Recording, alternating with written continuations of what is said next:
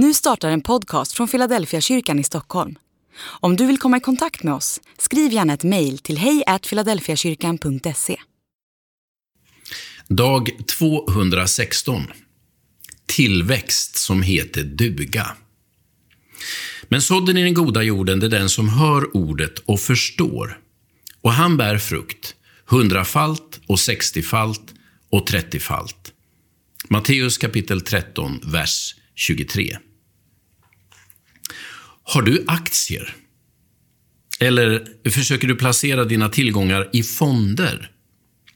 Om du yrkesarbetar har du förmodligen andelar i det så kallade PPM-systemet som har med din framtida pension att göra. På Pensionsmyndighetens hemsida kan man göra små prognoser som visar en möjlig pension beroende på hur det går med tillväxten. En rimlig tillväxt brukar vara mellan 3 till 5 procent om jag fattar det hela rätt. Som mest kan man klicka in 9 procent. Men då larmar systemet om att man har valt en tillväxt som är orimligt hög på längre horisont.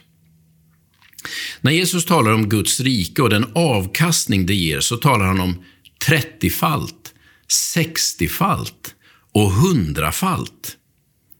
Det Jesus talar om är en minst sagt anmärkningsvärd tillväxt. Det handlar om mellan 3 000 och 10 000 procent. Och det är bara på ett år.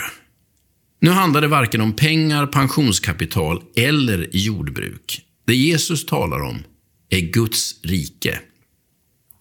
Han säger att bara en mycket liten insats ger avsevärt resultat. Det finns ett samband mellan det som planteras och det som skördas som är minst sagt häpnadsväckande. Vad ska man dra för slutsats av denna avkastning? Du ska tänka att det avgörande inte är hur mycket du har lyckats plantera, utan om det gror och växer. Vi fastnar så ofta i frågor om hur mycket vi läser Bibeln, hur goda vi är mot våra medmänniskor och hur ofta vi går i kyrkan. Trösten i denna liknelse är att, är att även en ganska liten insats ger ett översvallande resultat. Bara sådden faller i den goda jorden.